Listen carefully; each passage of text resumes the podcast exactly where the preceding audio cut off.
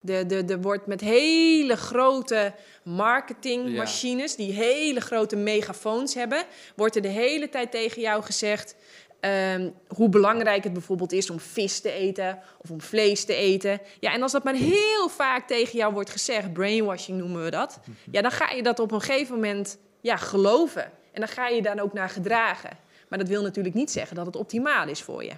Leuk dat je weer kijkt of luistert naar deze nieuwe aflevering van de Podcast of Hoop. En vandaag hebben we in de studio Janneke van der Meulen. We gaan het hebben over hoe je geluk alleen in jezelf kan vinden en hoe het juiste dieet daarbij helpt.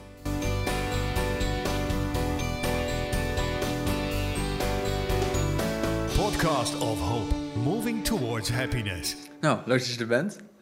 Dankjewel. Zeker. Ja, onze podcast gaat over geluk. En is dat een onderwerp wat je veel bezighoudt in het dagelijks leven? Houdt me dat bezig? Ja, eigenlijk wel, want het is mijn werk. Ehm, ja, het, is, het is mijn werk. Eh, met, met dat gezonde eten, dat doe je niet omdat je daar misselijk van wil worden. Nee, gezond eten onder andere doe je omdat je lekker in je vel wil zitten. En, en geluk is toch wel dat je lekker in je vel zit.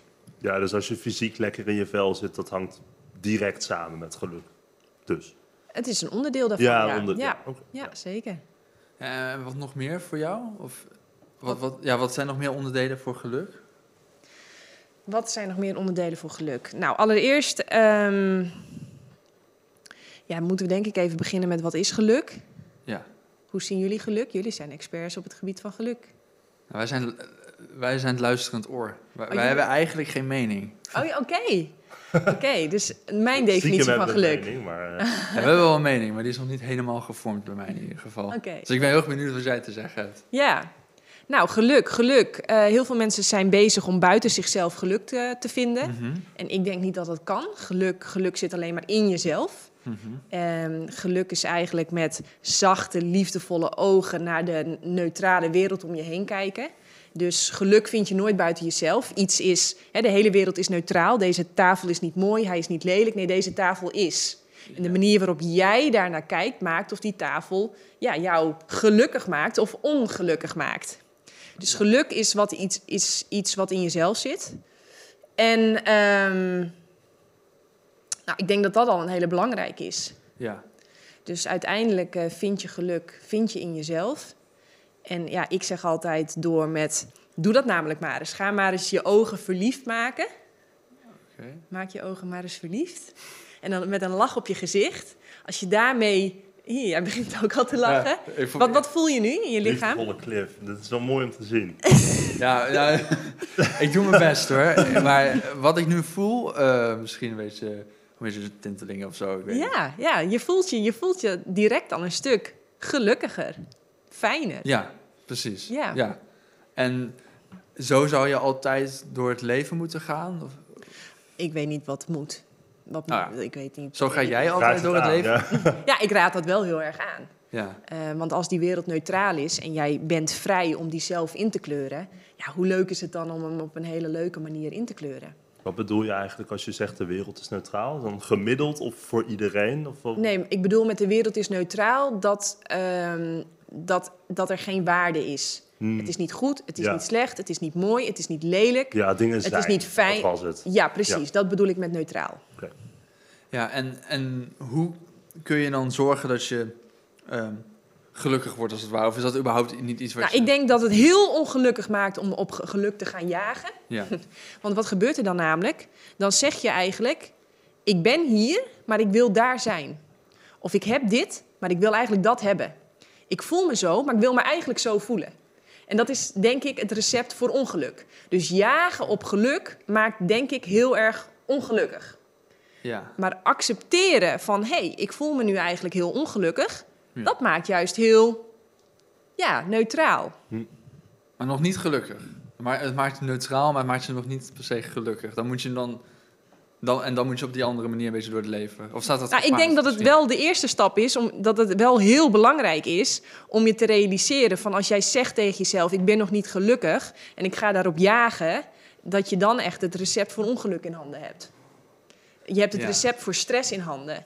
Eh, stress is namelijk de hele tijd zeggen van ik heb dit, maar ik wil dat. Dus je bent dan in conflict met het nu. Je zegt eigenlijk op een best wel arrogante manier van ja, hoe het leven het nu eh, ja, aan mij presenteert, dat is niet goed genoeg. Ik weet, ik, weet, ik weet hoe het beter moet.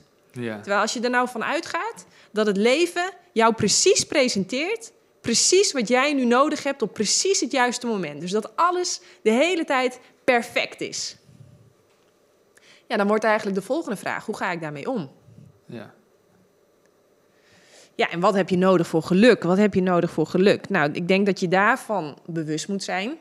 Eén, het ligt niet buiten je. En twee, ga er niet op jagen. en, ehm, ja, en wat maakt dan vervolgens gelukkig? Ja, dat is doen waarvoor je hier op aarde bent. En dat verschilt heel erg per persoon. Dus wat Ja. mij gelukkig maakt, ja, daar heb ik wel een antwoord op. Maar wat jou gelukkig maakt, ja, dat Ja. weet ik natuurlijk niet. En heb je het dan over je... Oh, sorry. Is het sowieso dus nooit goed om naar iets te streven wat je niet hebt? Omdat, Mm, is het nooit goed? Goed, dat weet ik niet. Ik zou het alleen niet doen. ja, Ik zou, en ja, dat is ook een beetje welke woorden kies je. Hè?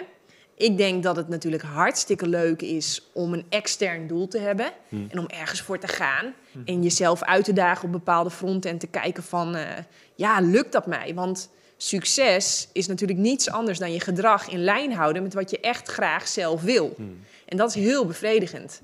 Dus een, een extern doel kiezen, ja, dat is natuurlijk wel een, een lekker luxe probleem als je dat kunt doen. Ja, en we hadden het tijdens het eten al een beetje over dat jij niet... ehm, hoe zei je dat nou? Je, ehm, we hadden het over dat roeien en dat kampioenschap. En het was niet dat je streefde naar dat kampioenschap, maar je deed dus eigenlijk in principe waarvoor je hier op aarde was, denk ik dus. dus omdat je dat net zei. En dat is roeien, maar dat is gewoon een bijkomstigheid. Nou, ik heb een paar dingen waarvan ik merk dat het mij heel veel plezier geeft. Mhm. Dat is buiten zijn, Mhm. dat is bewegen, dat is vroeg mijn nest uit. En als die, die magie nog in de lucht Ja, houdt, omdat, hangt, omdat iedereen nog op zijn bed ligt, om dan al over het water te roeien, ja, dat vind ik fantastisch. Ja, ik ehm, ja. En ook bij roeien heb je en heel veel kracht nodig, maar ook een bepaalde ontspanning. En, en, en als je dat weet te combineren, dan kom je in een bepaalde flow. Want wat gebeurt er dan namelijk? Je kunt niet goed roeien en tegelijkertijd ook in je kop zitten. Je kunt niet goed roeien en tegelijkertijd denken aan... oh, heb ik dat wel goed gezegd of heb ik dat wel Ja. ja, goed aangepakt? Hè? Je kunt niet helemaal ontspannen zijn en, en spijt hebben van het verleden... en je zorgen maken om de toekomst. Dat kan niet tegelijkertijd. Nee. Dus als je lekker wil roeien, dan moet je echt helemaal in het nu zijn. En ja, dat vind ik dus dat vind ik fantastisch. En dat is eigenlijk zo uit de hand gelopen. ja, dat op een gegeven moment heb ik blijkbaar wat meer uren getraind dan, dan de concurrentie. Met als gevolg ja, dat ik net wat harder roeide. maar moet, eh, moet je in het nu zijn om goed te kunnen roeien? Of zorgt roeien ervoor dat je in het nu bent? Beide. dat? Beide. Beide, ja. ja. beide. Dat versterkt elkaar. En is dat eh, iets wat bij sporten gebeurt? Of als je iets doet dus waar je hiervoor op aarde bent gekomen? Mm, Dat kan bij sporten gebeuren. Als jij, als jij, tenminste, laat ik even vertellen wat er bij mij gebeurt. Roeien lijkt heel makkelijk, en het is het eigenlijk ook, maar ik vind het echt ontzettend moeilijk. ik moet altijd helemaal precies op een bepaalde manier glijden, een bepaald ritme. Mijn handen moeten een bepaalde ontspanning hebben en ik moet in, in goede hoeken zitten. En, en daar ben ik de hele tijd mee bezig. Dus ja, in mijn hoofd is er ook eigenlijk geen capaciteit meer over om te denken aan dingen die op dat moment niet belangrijk zijn. Dus het, het ja, goed roeien trekt je, naar het, trekt je naar het nu toe. Maar als je natuurlijk heel goed roeit en je zit in zo'n ritme. Ja, maar het kan ook zo hop dat je, de, dat je eruit bent. Maar dan is het de kunst, net als met mediteren. Het is helemaal niet erg als er een gedachte voorbij komt. Of als je afgeleid wordt door iets of iemand. Nou, laat De- het weer gaan. Ja. Ja, de kunst is om dan toch weer dat, dat ritme op te pakken. En weer terug te Ja. gaan, in mijn geval, naar, naar, naar techniek, naar ontspanning, naar je ademhaling. Ja, heerlijk. Het, is, het is gewoon als mediteren eigenlijk, het roeien. Ja, ja, Ja, dus terwijl iedereen keihard zat te trainen voor de Olympische Spelen, zat jij gewoon te mediteren. ja. en dat was eigenlijk het enige wat nodig was. Nou, ik ben niet naar de Olympische Spelen geweest. Oh. Ik heb alle, alle toernooien gevaren, behalve de Olympische Spelen. Daar ben ik alleen als supporter geweest. Oh, Maar, maar, heb ik dat eh, verkeerd eh, begrepen. Maar Maakt niet uit. Dat gebeurt vaak. wat, wat, wat, wat was die foto dan die we zagen? Oh, dat was het WK. Of? Ja, WK. Oh, oké. Ja. Nee, maar, oké, maar eh, je had het net over hè, dat je eh, op aarde bent gekomen met een reden. Of, ehm, Ik weet ook niet precies waarom ik eh, op aarde ben gekomen, maar ik heb wel het idee dat er bepaalde dingen, noem het gifts of zo, dat het dingen zijn die ik ja, heel erg leuk vind om te doen Ja. en die ik ook echt al mijn hele leven doe. Eh een daarvan is eh, moeilijke dingen lezen en dan daar een verslagje van schrijven, eigenlijk in hele makkelijke Jip en Janneke taal.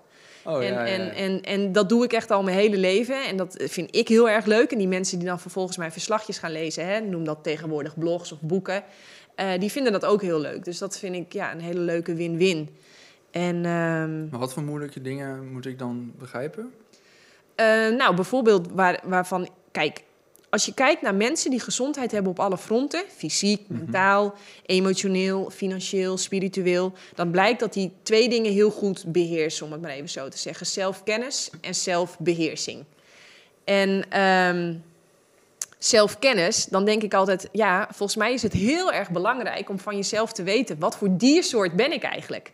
Want dan kun je die diersoort namelijk heel goed gaan verzorgen.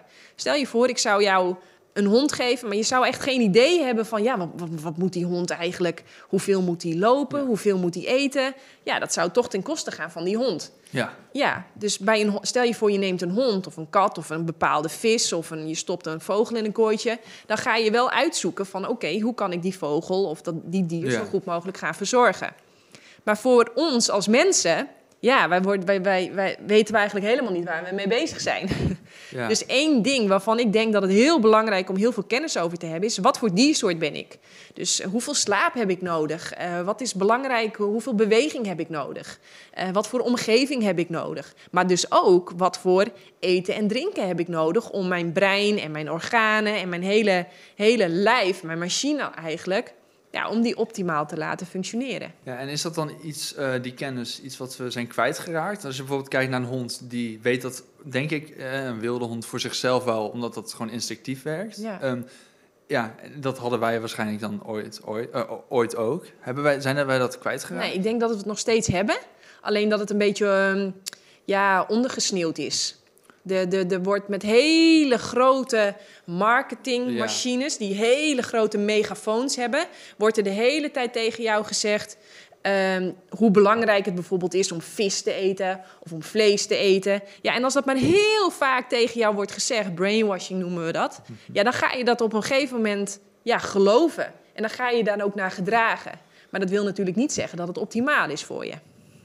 Nee, en dat is een beetje wat je ook in dit boek doet. Want je hebt heel veel wetenschappelijke ar- ar- artikelen, haal je aan. Dus eigenlijk heb je dan moeilijke teksten die je dan in, nou, ik weet niet of het Jip en Janneke taal is, maar die Ja, in ieder ja, geval verteerbaar maakt voor Ja, precies. iedereen. Je moet je voorstellen dat ik op een gegeven moment op een punt was waar ik helemaal scheidziek werd van al die tegenstrijdige berichten over wat nou gezonde voeding is.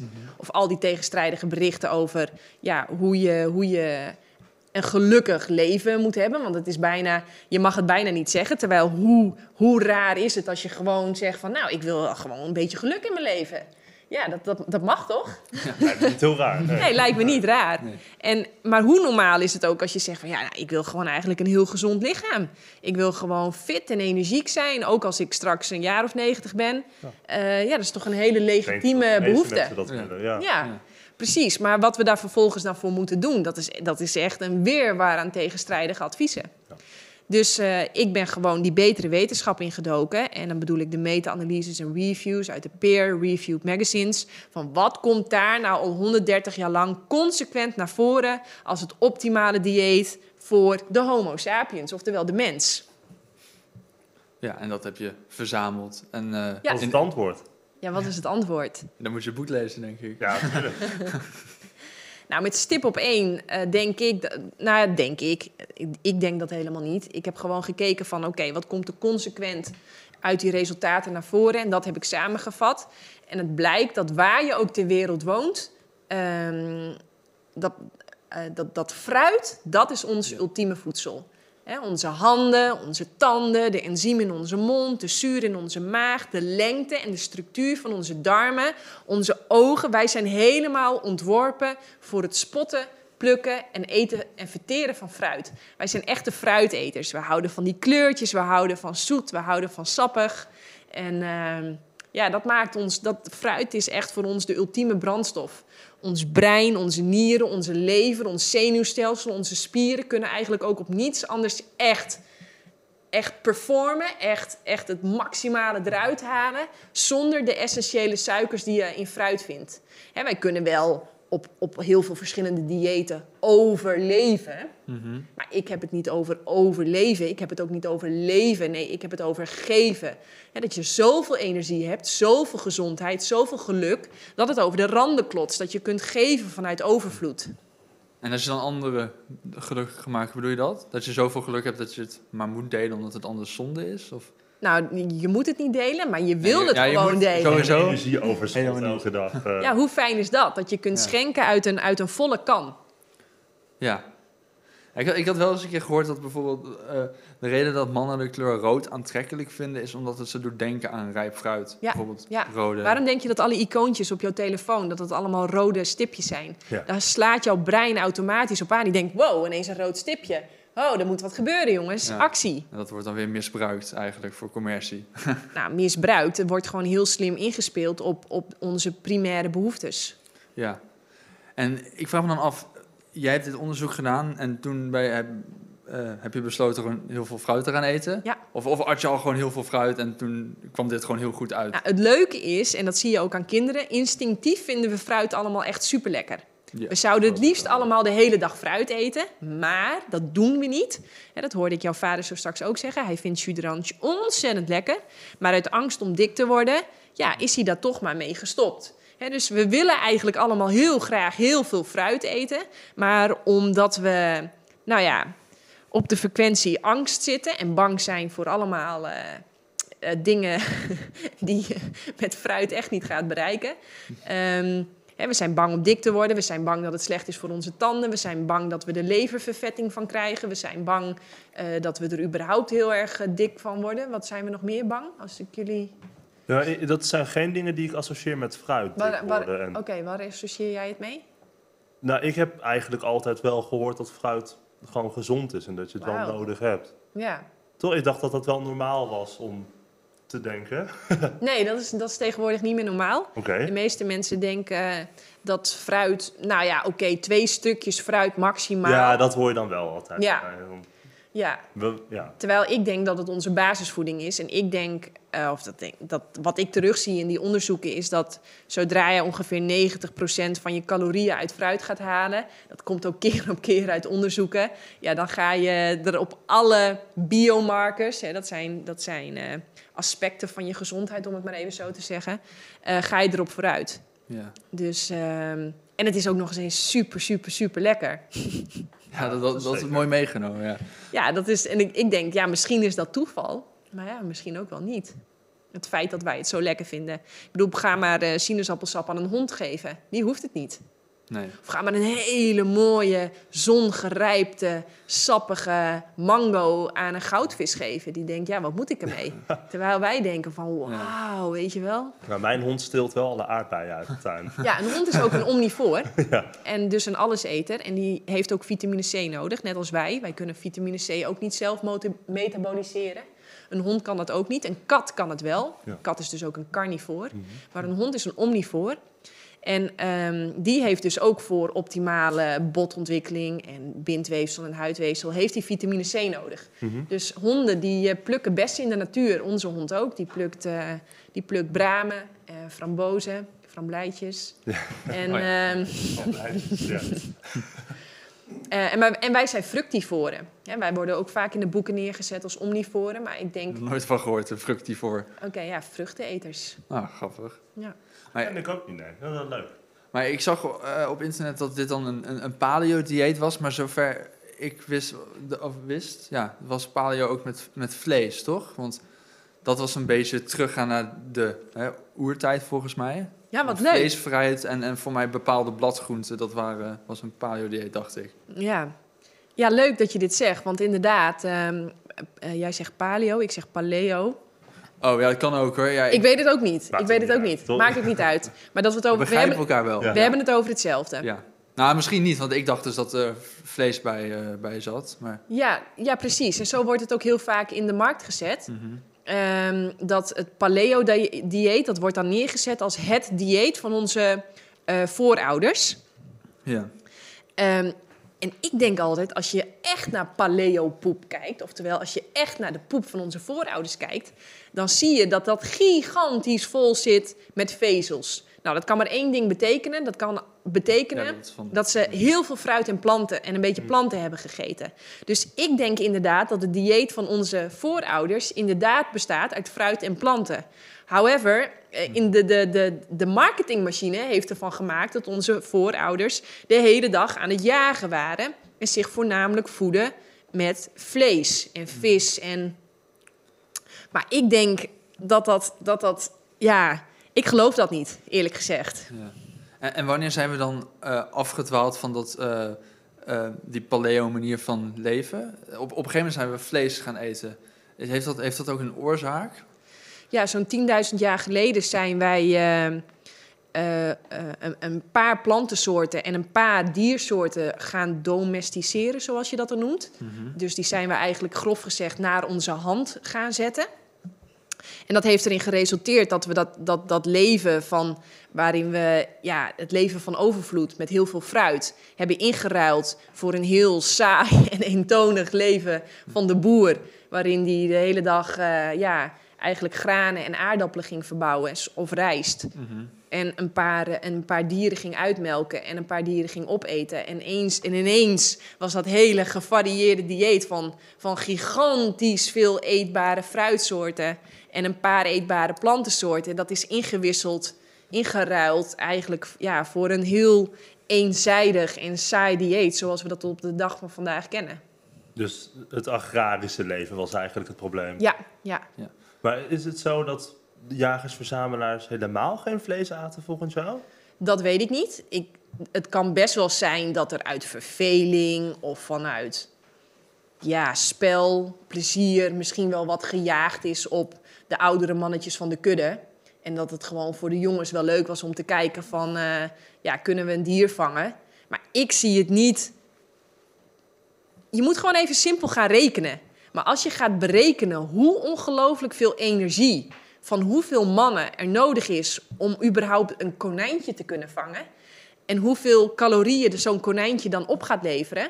Ja, dat staat niet tot elkaar in verhouding. En daarbij, ons hele stelsel eh, kan dus alleen maar goed functioneren op eh, suiker. Vind je alleen in fruit en planten. Vitamine C vind je ook alleen in fruit en planten. Nooit in dierlijke producten. Ja, dat is niet helemaal waar volgens mij. Want je hebt in levers van heel veel dieren zit wel altijd heel veel vitamine C. Ja, daar zit een beetje vitamine C in. Eh, maar daar zit weer zo ongelooflijk veel vitamine A in dat het weer schadelijk is. Ja, is dat dus zo? een lever Oh. is een hele slechte package deal, zoals ik dat dan noem. Ja. Dus je krijgt in, misschien wel een beetje vitamine C eh, binnen, maar je, krijgt, je mist nog steeds heel veel stoffen, bijvoorbeeld eh, vezels die er niet in zitten. Dierlijke producten zijn altijd arm aan vezels. Eh, dus het, het, het klopt dat er eh, misschien dan een beetje, dat weet ik niet, dat moet ik even checken, of er, dat er vitamine C zit in een lever. Ehm, maar het, het is een hele ongunstige deal. Terwijl fruit is een super, is echt een win-win-win-win-win. Je krijgt Ja. en heel veel vezels binnen en heel veel vitamine C. Heel veel cruciale suikers die er niet in lever zitten. Dat klopt. En heel veel cholesterol zit er in lever. Dat wil je ook niet binnenkrijgen van een ander diersoort. Het fruit kun je dus helemaal precies soort van ook, ehm, ja, hoe zeg je dat, eigenlijk samenstellen wat je allemaal nodig hebt. Dus dan pak je gewoon heel veel vitamine C of heel veel vitamine A. Of, of Nee, fruit, fruit, tenminste als ik jou goed begrijp, fruit is de ultieme package deal. Alle Ja. vitamines zitten erin, alle mineralen zitten erin, alle essentiële aminozuren zitten erin, behalve twee vitamines waarvan iedereen afhankelijk is van een andere externe bron. Dat is vitamine zonlicht ja. en vitamine B12, wat overigens vroeger wel op je groente en fruit zat. Maar vandaag de dag niet meer. Hoe bedoel je? Dan zat het op je fruit, vitamine B12? Ja, dat, eh, dat, dat is een, eh, een, een mi- microbe eigenlijk. Ja. En die zat eh, ja, ehm, in al het water en eh, in alle aarde. Hmm. Maar omdat we zo intensief gebruik hebben gemaakt van bestrijdingsmiddelen, ja, is dat een beetje, dat heeft ons heel veel opgeleverd. Maar dat is wel ten koste gegaan van vitamine B12. Maar stel je hebt gewoon een moestuin, zit daar dan wel vitamine B12 op? Ze zeggen van wel, er is alleen heel veel discussie. Is dat dan vandaag de dag voldoende? Ja, ja. Oké. Ja. En, oh nee, sorry.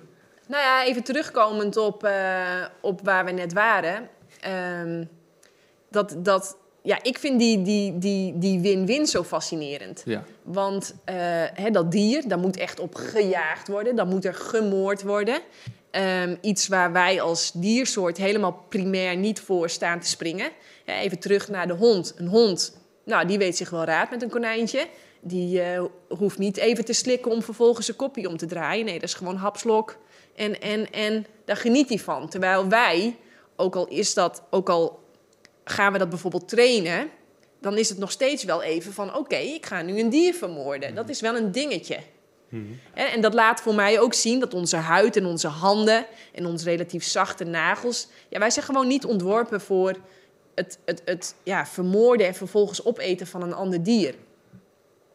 Even terug naar dat fruit. Dat fruit, dat is dus echt die win-win-win-win. Want eh, je, eet niet alleen, ja, je, eet, je eet niet alleen het fruit op, ehm, maar je spuugt of poept ook ergens anders de pitten weer uit. Ja. Hop, en dat geeft weer voortbestaan voor iedereen. Ja, dus dan heb je die eh, cirkel. Ja, leuk is dat. Ja. En stel je voor, je bent er dan aan het luisteren. Denk je, ik geloof het wel. Ik, ik, ik wil ook wel op deze manier wel een gezonde leven. Maar ik denk dat voor heel veel mensen het ook wel een hele grote stap is. En eigenlijk, ik vind dat eigenlijk niet een heel goed eh, argument in de meeste gevallen. Maar ik denk ook wel dat mensen dat denken van... Best wel lastig om zoveel, zo, erg je dieet om te gooien. Alleen maar fruit, bladgroen, vers kruiden, kiemen en zeewier. Ehm, is dat Dit is- belangrijk? Dit is, dat is niet alleen. Oh, ja, dat is de top 5. Ja, dit is de top 5. De, wat jij net opnoemde, dat is de top 5. Oké. En dat is de basis. Ja. En als die basis staat, hè, vergelijk dat met een flatgebouw. Als er een goed fundament ligt, ja, dan, kun je, dan, kun je, dan kun je gaan bouwen. Maar dan moet wel die basis staan. En dit is de basis. Dus ik zou zeggen, haal het gros van je calorieën uit fruit. Vul dat aan met medicijn. Bladgroen, kruiden, kiemen, een beetje zeewier. En eh, eet verder de overige planten. ja. Want hoe denk je bijvoorbeeld over noten? En dat is eh, hoe ik daar... hoe denk je bijvoorbeeld over noten? Nee, En nu gaan we gewoon allemaal dingen vragen. Maar wat vind maar- je van noten? Ja. Want ook die worden vaak wel een beetje neergezet als gezond en dat heb je wat meer nodig. Ehm, ja, ik denk ook zeker dat ze gezond zijn. Eh, maar meer is niet altijd beter. Wat, wat we terugzien bij noten is dat je hoeft maar 1, 2, 3 noten per dag te eten... Oh, om maximaal te profiteren van de voordelen. Oké. En dat vind ik ook wel grappig als je dan weer kijkt hoe bijvoorbeeld een noot wordt aangeboden. En je vergelijkt dat met hoe bijvoorbeeld een boom mango's aanbiedt, of dadels aanbiedt, of Ja. bananen aanbiedt. Dat is echt in overvloed en ready to eat. Je hoeft er helemaal geen moeite voor te doen. Je hoeft niet te koken, niet te, hè, je hoeft alleen maar even flop het schilletje eraf en, en, en, en je bent klaar. Ja. Terwijl bij noten, die moet je drogen. Dan zit er een hele harde schil omheen. Daar moet je wel weer echt moeite voor doen. En het lijkt wel alsof de natuur ons daarmee wil vertellen van... Ja, doe met noten maar een beetje rustig aan. Verspreid dat maar een beetje. Maar misschien is dat... eh, ja. Ja, maar ik, ik, ik, snap, ik snap de gedachte. Oké, ja. ja. Nou, eigenlijk een heel ander onderwerp nu. Ja. Ehm, want we hadden ook een podcast, eh zoals je met Patrick Kikker. Ja. En toen zei je, ehm, ik citeer, ja, ik weet niet, oh nee, ik kan het niet citeren, maar dat je van plan bent om 250 jaar oud te worden. en we willen ook niet heel erg op ingaan. En ik, ik ben eigenlijk best wel benieuwd. Ik- Komt dat hierdoor? Heeft dat andere redenen? Hoe ben je dat van plan? Wat leuk. Ik heb dat nu twee keer voor de grap in een podcast gezegd. En er wordt soms echt over gestruikeld. Oh, is een geintje. Nou ja, ik denk... eh, doodgaan is misschien wel een ouderdomsziekte. Dus als jij je Zit al nu? Nou ja, dat het eigenlijk gewoon eh, een, een, een verschijnsel is van veroudering. Maar als jij je cellen gewoon de hele tijd... Jouw, jouw lichaam is namelijk de hele tijd bezig om te verjongen en te vernieuwen. En als je dat optimaal faciliteert, en dat doe je met eh, win-win eten... ja, misschien kunnen we dan wel veel ouder worden dan dat we denken eh, dat we worden. En daarbij, eh, heel veel mensen... Hè, volgens mij worden we gemiddeld zo'n 86 op dit moment... Zou best kunnen. Ja, voor mij verschilt het ook tussen man en vrouw. Ja, het verschilt een beetje. Vrouwen worden iets ouder dan mannen. Ehm, Eet je meer fruit. en, en nou ja, en ze zeggen ook vaak omdat mannen gevaarlijke werk doen. Ehm, ik denk trouwens niet dat we vandaag de dag ouder worden dan eh, bijvoorbeeld 100.000 jaar geleden. Ik denk dat we dat gemiddeld, mi- gemiddeld minder jong sterven. Dus er zijn meer vrouwen en baby's die dat. eh, Ja. hè, meer vrouwen die het kraambed overleven. En meer baby's, zeg maar, die dat eerste jaar doorkomen. Heel erg sterk op het verhaal wat jij het vertelt. En dat zien we ook eh, heel erg sterk op het verhaal wat jij het vertelt. En dat zien we ook eh, heel erg sterk op het verhaal wat jij het vertelt. En dat zien we ook ik zie, eh, heel erg sterk op het verhaal wat jij het vertelt. En dat zien we ook. Ik zie iemand heel erg sterk op het verhaal wat jij het vertelt. En dat zien we ook. Ik zie iemand heel bedenkelijk sterk op het verhaal wat jij het vertelt. En dat zien we ook. Ik zie iemand heel bedenkelijk kijken op het verhaal wat jij het vertelt. En dat zien we ook. Ik zie iemand heel bedenkelijk kijken. Het verhaal wat jij het vertelt. En dat zien we ook. Ik zie iemand heel bedenkelijk kijken. Het verhaal wat jij het vertelt. En dat zien we ook. Ik zie iemand heel bedenkelijk kijken. Jij het vertelt. En dat zien we ook. Ik zie iemand heel bedenkelijk kijken. Ja, dat, Vertelt. En dat zien we ook. Ik zie iemand heel bedenkelijk kijken. Ja, dat doet hij vaker hoor. Dat, Ja, dat zal meestal Oké, nou zeg maar, eens heel, zeg maar eens twintig keer tegen jezelf: Ik heb hoofdpijn, ik heb hoofdpijn, ik heb hoofdpijn. Dan ga je naar beneden kijken en dan ga je je hoofd laten hangen. Dan laat je je schouders zakken. En dan voel je op een gegeven moment ook gewoon kut. Terwijl als je zo gaat zitten en je maakt je ogen Ja, verliefd. En je maakt een gigantische lach op je gezicht. En je doet je handen in je lucht. Je, je testosteron stijgt, je gaat je beter voelen. Nou, dat bedoel ik eigenlijk daarmee in het klein. Eh, en daarmee in het groot. Ehm, ja, misschien is het gewoon wel een collectief verhaaltje waar we in geloven. Dat je, Zou dat echt gewoon op zo'n grote schaal, zo'n self-fulfilling prophecy? De- nou, weet ik niet. Maar het is toch grappig om gewoon te zeggen van, weet je wat, ik word 250. ja, precies. Je zegt Ja, niet van, hé, ja, ja. doe dit, je zien. wordt 250, maar het is, het is op zijn minst leuk om over na te Nee, maar je denken. verwacht dus wel significant ouder te worden. Ja, ja, absoluut. Ja. Zou mooi zijn, ja. Oprecht.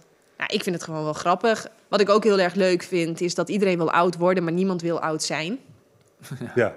Terwijl ja, ik denk dat het hartstikke leuk is.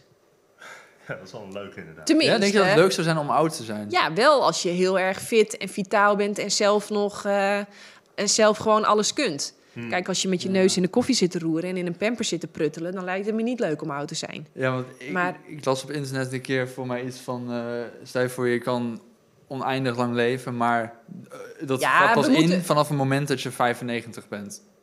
Dan zou je denk ik niet oneindig lang willen leven. Ik denk sowieso niet dat je oneindig lang wil leven, want dat zou, dan maakt het allemaal niet meer uit wat je doet. Nee. Dus het is wel belangrijk dat we doodgaan. En die finishlijn die creëert een bepaalde urgentie. Stel je voor je zou nooit doodgaan, dan maakt het niet uit of wij deze podcast nu opnemen of over 100 jaar. En dan, ja, dan, dan, dan Ja. gebeurt er denk ik niks meer. Dus die finishlijn, die, die, die, dat is wel een bepaalde prikkeling. Ja. Die, die zorgt dat jij je bed uit gaat komen en dat je eh, wat meer van je leven gaat maken. Ja. ja, ik zou ook wel zeggen dat het heel zinloos is eigenlijk. Het Zonder is ook dood. zinloos. Sorry, ik, ik wil niet dood of zo, maar... Nog ik, niet. Oh, sorry, wat, wat vind jij zinloos? eh, als je niet dood zou kunnen gaan, bedoel ik. Als je gewoon oneindig zou leven, zou in principe het leven, lijkt mij heel zinloos. Ja, maar ook als je doodgaat is het leven zinloos, toch? Ja, Ja, maar het feit dat het eindigt, geeft het wel een soort van inherente waarde. Ja, precies. Ja. Ja. Nou, ehm, wat we ook eh, bij Hoop XXL proberen is dat iedereen aan het eind van de eeuw zijn leven met een 8 kan beoordelen. Mhm. Daar hebben we het ook al een beetje over gehad. Maar we vragen altijd onze gasten welk cijfer zij hun leven nu geven. ja. Op van een schaal van 0 tot 10? Ja, Een 11. ja dat, eh, dat, Nee, nee, ik heb echt, eh, wat ik zeg... ehm, nee, ik, ik heb alleen maar eh, problemen die ik zelf uitkies. Hè? Dus eh, heel vroeg de wekker zetten, in een ijsbad gaan zitten, eh, hard trainen. het werk wat ik doe, dat kies ik zelf uit. Dus ehm, een gezonde dochter heb ik, een leuke vriend, fijne familie. Ehm, tja, ik doe wat ik leuk vind en dat doe ik al mijn hele leven. Nee, het, het, het, de kunst van het leven is ook misschien wel ontvangen, genieten en doorgeven.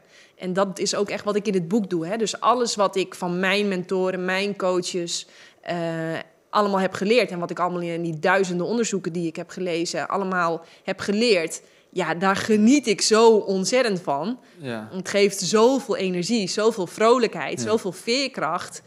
Ehm, ja, zo'n ongelooflijk snel herstel na trainen. ja, daar geniet ik zo ontzettend van. Dat ik, ja, en ik voel me bevoorrecht dat ik hè, met de win-win-methode nu ook zoveel andere mensen daarmee mag helpen. Met dezelfde resultaten. Dus dat vind ik heel erg gaaf. Ja. ja hoe, hoe ben je eigenlijk op, op die ideeën gekomen? Want ook in het begin toen we het hadden over ja, hoe je dan kijkt naar geluk, is dat gewoon op. Heb je dat van iemand geleerd? Is dat gewoon opeens in je opgekomen? Of, eh? Ja, ik. ik ehm, Tijdens dat roeien ben ik heel veel met roeien bezig, maar stiekem ben ik ook altijd een beetje aan het filosoferen. ja, ja. En ik kijk gewoon al mijn hele leven. Ik wilde vroeger als kind regisseur worden. Oh. En ik heb niet van mijn leven. Ik ben, ik, ik ben niet aan het onderzoeken wie heeft wie omgelegd. Maar ik ben gewoon echt aan het kijken van. Ja, iedereen, er is heel veel lijden op deze wereld. Hè? Jullie hebben het over geluk. En ik denk dat het best wel belangrijk is dat jullie ermee bezig zijn. Want het is er heel weinig. Als ik naar de meeste mensen kijk, ja, eh, ze sleuren zichzelf een beetje door de dag heen. Ze zijn niet fit, ze zijn niet energiek, ze zijn niet vrolijk, ze zijn niet enthousiast, ze zijn niet veerkrachtig. Eh, ja, en als ik daarnaar kijk, dan denk ik, ja, dat moeten we niet hebben. Dus wat moet ik doen om geluk, energiek eh, en, en, en veerkracht te hebben? Ja dus- ik heb daar gewoon echt een onderzoeksproject van gemaakt. Dus ik kijk gewoon non-stop wat komt er uit de betere, betere resultaten naar voren. Hè, dus ik, ik, ik, ik wil net als iedereen, ik wil een hele lekkere appeltaart bakken. En ik ben non-stop bezig om te kijken, ja, wie heeft er nou het allerbeste recept? Maar ik Ja. ben natuurlijk zelf ook eh, bezig. Dus ja, ik heb zelf ook... eh, dat is ook wel leuk om te doen eigenlijk. Superleuk. Ja. Heel erg leuk. Ja, ontzettend leuk. Ja, of wilde je wat? Oké, ja, we, we hadden ook een voorgesprekje. En toen, eh, of ja, wij niet met, met, met jou, maar. Het, en toen vroegen we wie jij nou als voorbeeldfiguur ziet. eh, ehm, die bij heeft gedragen aan de betere wereld. En toen gaf je als antwoord je, mijzelf. Ik vind dit van jou zelf. dat is eh, interessant, die hadden we nog nooit eerder gekregen. Ja, nou, in dat voorgesprekje had ik daarvoor ook een paar vragen die op dat antwoord kwamen. Oké, dus nu heb ik het helemaal We uitgezocht. missen de context. Ja, we missen echt complete Oh, context. Ja. We zijn jou aan het framen op dit moment. Ja. Nou, maar, eh, nou, wat is de context dan? ja, jeetje, ik had een gesprek met Nina. Nina stelde echt superleuke vragen. En ehm, het begon met ehm, wat maakt mij gelukkig? En toen zei ik van, nou, er is niks wat mij gelukkig maakt, want er is ook niks wat je gelukkig kan maken. Geluk komt vanuit jezelf.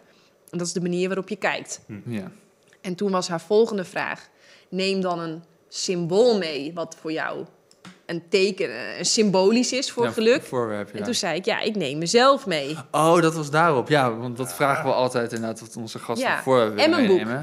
En mijn boek, want ik merk dat als ik daarmee bezig ben en ja, ik ben bezig met het formuleren van een mooie zin, of het is me weer gelukt om een best wel moeilijk artikel om daar toch de belangrijke punten uit te halen en dat weer te vertalen, ja, dan geniet ik ook echt maximaal. Ja. En wat ik minstens zo leuk vind, is dat ik iedere dag meerdere Instagram-berichten en mails krijg van mensen die zeggen van... wow, ja, ik heb dat boek gelezen of ik eh, heb een training bij jou gevolgd.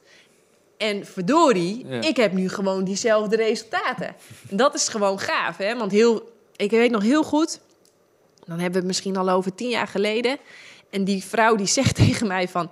nou ja, dat jij zoveel jus d'orange kan drinken... en dat jij zoveel bananen kunt eten... en dat jij zoveel dadels kan eten. Ja, weet je, jij hebt waarschijnlijk een afwijkend genenpakketje... want ik kan dat niet. Maar Ik heb het wel geprobeerd dan. eh. En nou is het uiteindelijk toch gaan proberen. En het leuke is, ik kom haar weer tegen en ze zegt... potverdorie, ik blijk diezelfde genen te hebben... want Ja. ik ga nu ook als een tierlier. toch allebei mensen, hè? En Ja. toch allebei mens. Ja, dat is toch, dat is toch fantastisch? ja, je ziet daar weer in de supermarkt met een hele kar vol met bananen. Ja, ja. ja. En motiveert, je, motiveert je dat ook om eh, meer hierin door te gaan? Of ja, ik, ik denk ook niet dat je iemand nodig... eh, dat je iemand bent die motivatie per se nodig heeft. Maar Nee, die externe ik- motivatie. Nee, ik merk altijd, ik denk dat het heel belangrijk is, sowieso voor iedereen. Om, dat is trouwens dan denk ik wel een universeel principe. Want ehm, het recept om ongelukkig te worden is om iedereen tevreden te houden. Ja. Dus ik denk dat het super, super belangrijk is dat jij doet wat jij wil, dat jij zegt wat jij vindt en dat, jij, dat, je, dat je je waarheid spreekt. En die waarheid is natuurlijk voor iedereen anders, maar dat is ook helemaal niet erg, hè? filosofie van het koor. We hebben ook heel veel verschillende stemmen en geluiden nodig om het mooi te laten klinken. Maar ja, ik spreek ook mijn waarheid. En ehm, ja, en, en zodat mensen ook echt kunnen zien wie ik echt ben en waar ik echt voor sta en waar Ja. ik echt in geloof. En als je dat aanspreekt, ja, dan kun je aansluiten en meedoen. Ja, hoe gaaf is dat? Maar zie je het ook een beetje als je plicht om dat te doen? Mijn plicht, mijn plicht, mijn plicht. Of je roeping? Ja, mijn roeping is denk ik, dat komt meer in de buurt, omdat ik, het, omdat ik er zo ontzettend van geniet. Ja, Ja. ja. Nou, als we een podcast luisteren waar jij in te gast bent, dan heb je het ook over Eckhart Tolle. Tolle, zeg je dat goed? Ja, Eckhart Tolle. ja. Ja, ja jij kent hem wel een beetje. Ik moet eerlijk ja, zeggen, vaag, hoor. Ja, ik heb nog nooit van die gozer gehoord, maar het is wel een grote inspiratie. Ja, ik zeg, eh, gozer is misschien een beetje stom, maar... ja. Gozer, waarom niet? Gozer. Ja, waarom niet? Waarom moeten we, omdat hij zoveel boeken heeft geschreven, moeten we ineens... Ah, Ja. tolle? Nou, dat Nee, is ja, het is toch ook gewoon een gozer. Hij poept ook gewoon. Hij struggelt met waar iedereen mee struggelt. Hij zal ook zich wel eens eenzaam voelen. Hij zal zich ook wel eens verdrietig voelen of schuldig. Net als iedereen. Het is, het is ook Ja. maar gewoon een man. Nee, klopt. Nou, oké. dan... Je moet of niemand gozer noemen, of je kan iedereen gozer. Ja, nou, oké, maar eh, wa- waarom inspireert deze gozer jou zo dan? Nou, ik moet... ehm, om een, een, eh, een, de eerste en de belangrijkste reden was... Ik weet niet of jullie dat wel eens herkennen. Liggen jullie wel eens in jullie bed en dan denken jullie van... Nou, ik ga gewoon lekker vroeg op bed en dan ga ik lekker slapen. En dan lig je eenmaal in Dat bed. lukt nooit. En waarom lukt dat dan niet? Oh ja, ik ga gewoon al duizend dingen denken. Ja. Dus, eh, ja. Je gaat aan duizend dingen denken. Ja. En waarom zet je dat dan niet even stop? Ja, lukt Daar had je er nooit aan gedacht, hè? Oh, is het zo makkelijk? Nee, eh, ja, dat lu- lukt me niet echt eigenlijk. Nee, maar ik, nee. ja, ik- misschien klinkt dat ook wel stom, maar... Waarom? Dat, als ik deze, deze vraag heb ik ook al duizend keer gesteld en krijg duizend keer hetzelfde antwoord. Er komen er allemaal stemmen en allemaal gedachten en we kunnen die niet stoppen. Nee. Is toch vervelend? Ja, ik vind het wel ik had het vannacht ook nog. Ik moest vroeg eruit en ik wilde ook fit zijn in de avond. En ik zat te stressen, oh, ik moet slapen, ik moet slapen, ik moet slapen. En juist ook omdat je daar Ja. over in zit, dan kun je helemaal niet slapen. Nee, precies. Nou, en Eckhart Tolle die heeft mij geleerd om dat te stoppen. Nou, kom op. Wat, wat- wat moet je doen dan? Nou, alle, Lezen. nou, Nee, ik heb vooral naar zijn boeken geluisterd. Ik heb ze ook gelezen hoor. Ik heb ze meerdere keren gelezen, maar ik heb ze ook heel veel geluisterd. Eh, op Storytel staan inmiddels al zijn boeken ook in het Nederlands en al zijn shows in het Engels. Echt een aanrader. Maar hij creëerde, hij zette als het ware een hakbijl in mijn denken, waardoor, ik, waardoor er ruimte ontstond en waardoor ik ineens kon zien, oh grappig, ik ben die gedachte niet, ik ben degene die die gedachte observeert. Hmm. ja. En dan ontstaat er rust. Hmm, grappig.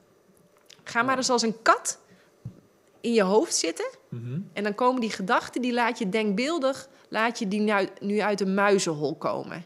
En jij gaat als kat bij dat muizenhol zitten. Laat het nu maar eens stil worden. Dan ga je net zo lang bij dat muizenhol zitten totdat er weer een gedachte oppopt. Of moeten we dat nu doen? Ja? Oh, oké. zie dat iemand altijd eh, aan het oefenen. Sorry, waar waren we? Dan blijft het best wel lang stil, hè? Ja, klopt. Dat- Dan blijft het veel ja, langer stil. Goed. En als je dat oefent, dan word je er beter in. Net als met alles. Alles wat je oefent, daar word je beter in. Ja, en hij leerde mij dus, eh, door hem eh, leerde ik eh, voor het eerst over het, over het begrip ego.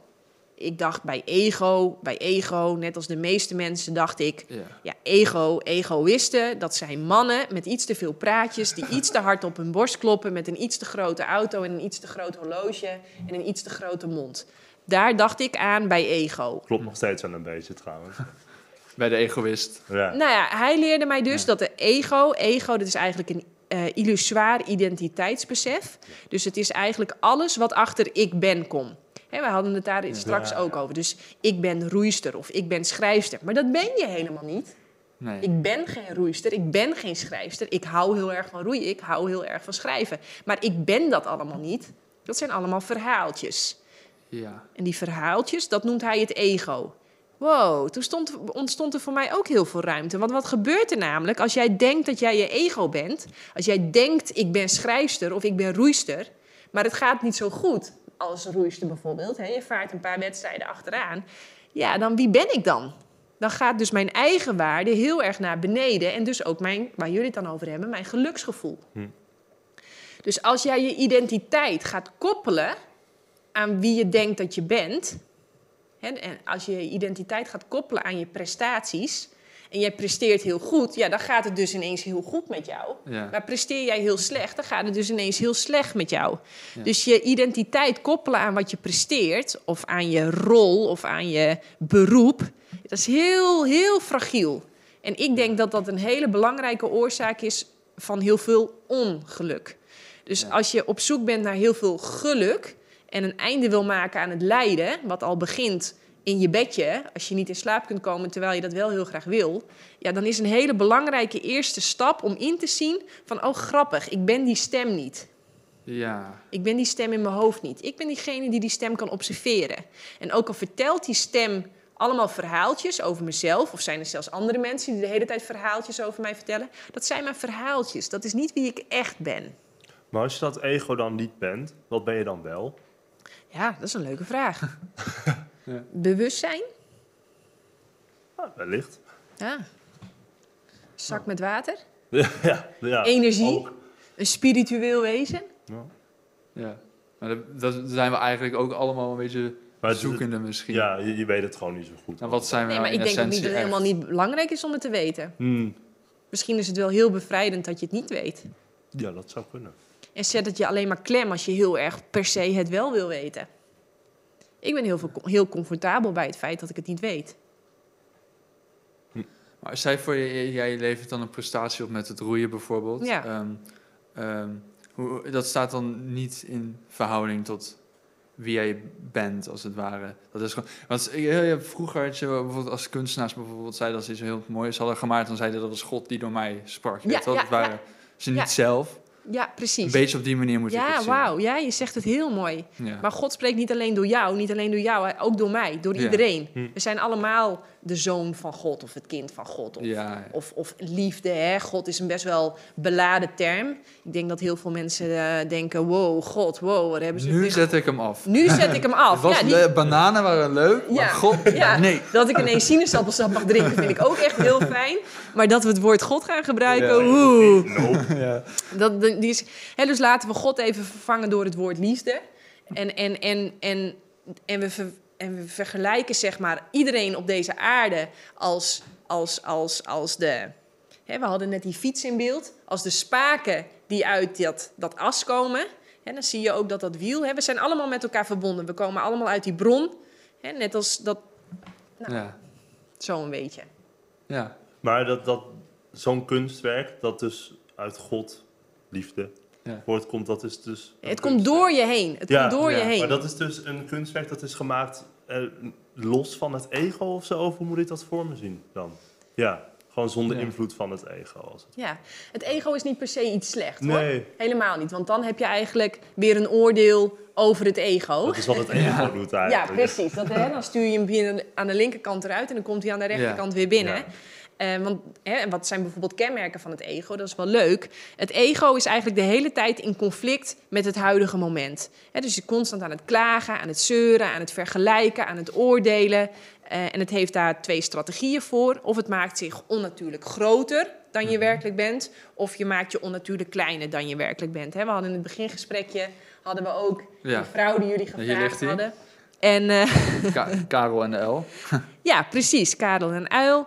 Eh, maar jullie hadden ook een andere me- dame hier te gast. Oh, die, en ja. en die belde op een gegeven moment op en die zei van... oeh jeetje, ben, is mijn naam eigenlijk wel... Hè, zijn mijn prestaties wel goed genoeg om bij jullie in de podcastshow te mogen? En dat is een voorbeeld van het ego. Hè, van Kareltje die dan begint te kwekken... en dan ja, zich verga- gaat vergelijken met de andere gasten... en dan gaan Ja. denken van oeh jee, mag ik eigenlijk wel echt zeggen wat ik vind... en mag ik eigenlijk wel echt zijn wie ik ben... Ja. en eh, doe ik er wel toe? ja.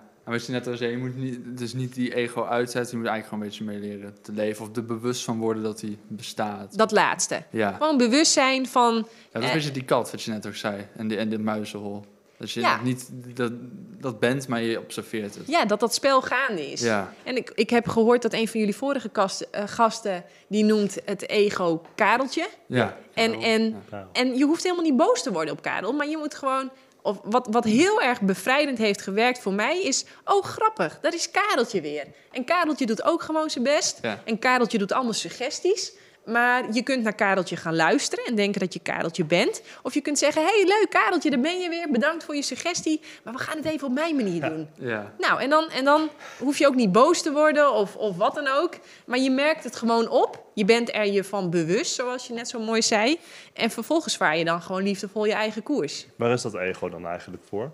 Ja, dat vind ik ook een hele interessante vraag. En eh, ik moet zeggen dat ik er ook nog niet echt een bevredigend antwoord op heb. Eh, het antwoord wat ik wel heb, is dat je het een soort van moet zien als stijgers om een huis. Eh, en je hebt altijd stijgers om een huis en die helpen dan om dat huis op te bouwen, oftewel je identiteit. En zo zet je jezelf als het ware in de wereld. Dus het helpt je als kind om je los te maken van je familie, om je vervolgens als unieke volwassene in de wereld te zetten, om dan vervolgens dat ego weer te gaan af te, af te breken. Ja, ja, ja. En dat is, dat is Ja. het meest bevredigende antwoord wat ik tot nu toe heb. Maar soms denk ik wel, had dat ook niet allemaal gekund zonder dat ego? ja. Maar het, het is denk ik ook een beetje het mechanisme wat je nodig hebt bij eh, overleving misschien. D- dus ja, zoiets zou het ook wel. Omdat wij als prooi die van de tekentafel afkwamen. Misschien. Ja, ik weet het niet. Ik weet het niet. Ik, ik vraag me wel eens af, ha- ha- had dit hele spel hier ook niet plaats kunnen vinden zonder ego? Omdat het zoveel lijden veroorzaakt. Ja. Maar ja, als je lijden weer gaat zien als een feedbackmechanisme van je lichaam... ja. om je te laten zien van... oké, nu ben je op jouw pad, op, op, op jouw unieke pad... en nu doe jij wat je moet doen... En, en als je heel veel lijden ervaart in je leven, dat het een soort van richtingaanwijzer is van misschien moet je van koers wisselen.